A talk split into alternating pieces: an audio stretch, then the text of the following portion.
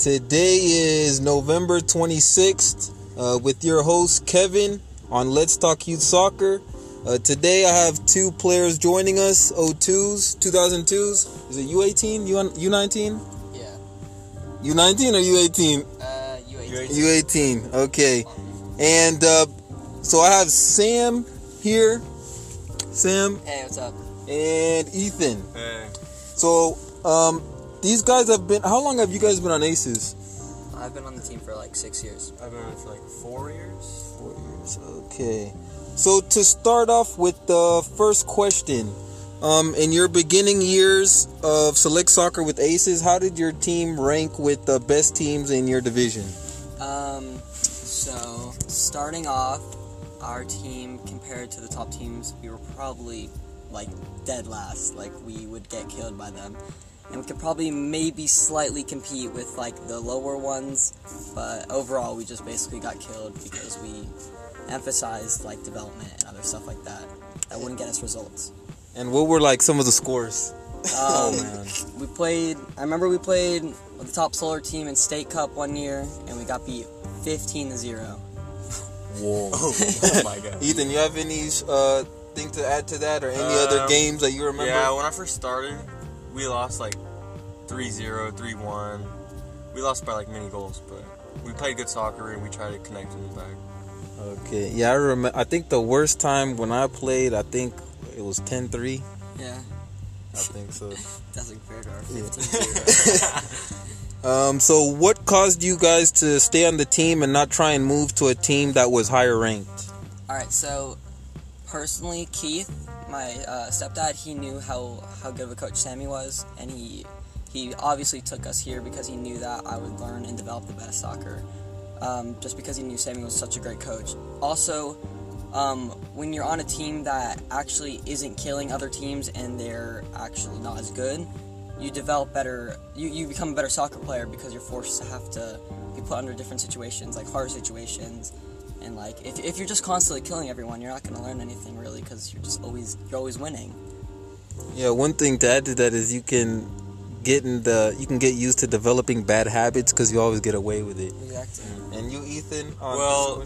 I came from a team that was like middle middle of the chart and um, there was no development in practice. There was nothing. It was just playing and playing. It was the p- coach wasn't really passionate about developing and teaching us to grow up as young men. And I came to Coach Sammy because he was this practices were serious and like we were developing like actual soccer, keep passing, keep passing, and moving moving, and just serious uh, playing. And I just felt like this was development over like every single week, and I just saw development in our team. and uh, Ethan, so where was your team before ranked um, with Aces at the time? Like, were they close? Was there a big difference? Um, from my past team, or Yeah, like was your past team ranked higher than Aces at the time? well, Or- it was it was probably like around the same, but a little higher sometimes. And Okay. yeah, Okay. And as time slowly went by and you would still lose games to top teams, maybe they would be a little bit more close. Like, how did you uh, recognize improvement and, like, what measurements did you use? All right, so um, yeah, as we got older, we would still lose games, but obviously the margins would become smaller. Like we wouldn't be getting killed. We maybe lose 2-0, 3 3-1. Not not by much at all, but like we would see tons of improvement. Whereas like the entire game, we'd probably play well, but we'd make one mistake that would lead to a goal, or you know, basically like we could compete with them all until maybe a couple small mistakes, and then we would just go to practice and work on that. And that's how I saw improvement, basically. yeah, like Sam said, that's how I see it too. And um, um, I just saw like in the back, I'm a defender, and I, I all I saw was like the connecting in the back, and we kept playing through the middle, playing through the forwards. We just getting the little connections, and we started controlling the ball, controlling the game better. I didn't really care about the results. I just care, care about like getting and developing and developing our team and just keep learning and improving. And during your final years of select soccer with Aces, uh, how does your team rank with the best teams in the division? Oh, we're, we're cold. we can we can definitely compete with every other team. I mean, we, we went to state. We were, as a state cup, we beat every team except for top solar team, but we still got a bid to regionals, and then went to regionals, and we killed that top solar team.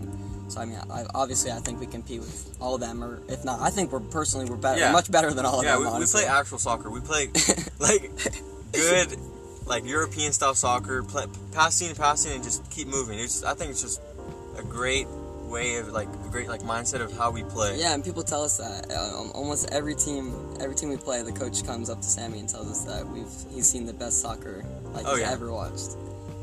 And and so these teams that you guys are beating, so I, I just want to go back to the first question. How did you rank to these teams as far as like were there would you consistently get beaten badly by them or was it once in a while? In the beginning, Yeah. uh, we would Oh, consistently, yeah, lose to them. consistently. Every now and then we'll have a chance, but it was yeah, we just get killed. Maybe be like one one and a half, and then it'd end Yeah. like five one, but like we would we would consistently lose to them basically.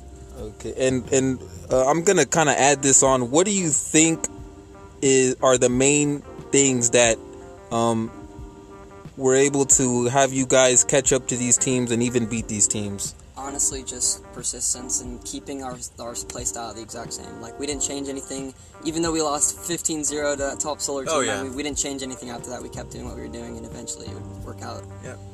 keep playing how we play.